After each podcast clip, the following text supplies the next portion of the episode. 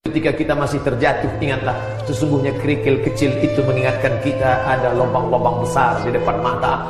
Bila kita terpleset karena kulit pisang, ingatlah sesungguhnya Allah masih sayang dengan kita karena ada bencana, musibah mengajarkan kita untuk waspada. Tapi bila tidak ada teguran sama sekali, sesungguhnya murka Allah sedang di depan mata. Malam tak dapat Andai masih ada yang mengingatkan watawasau bil haq, bagaimana mungkin dia diingatkan sedangkan khutbah Jumat pun tidak dia dengar? Bagaimana mungkin ada yang mengingatkan sedangkan ceramah pengajian dia tidak mau datang? Inilah hamba yang paling tersesat di antara yang sesat.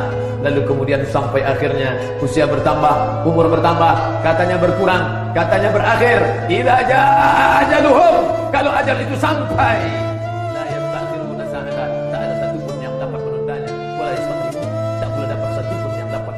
kebaikannya mempercepat.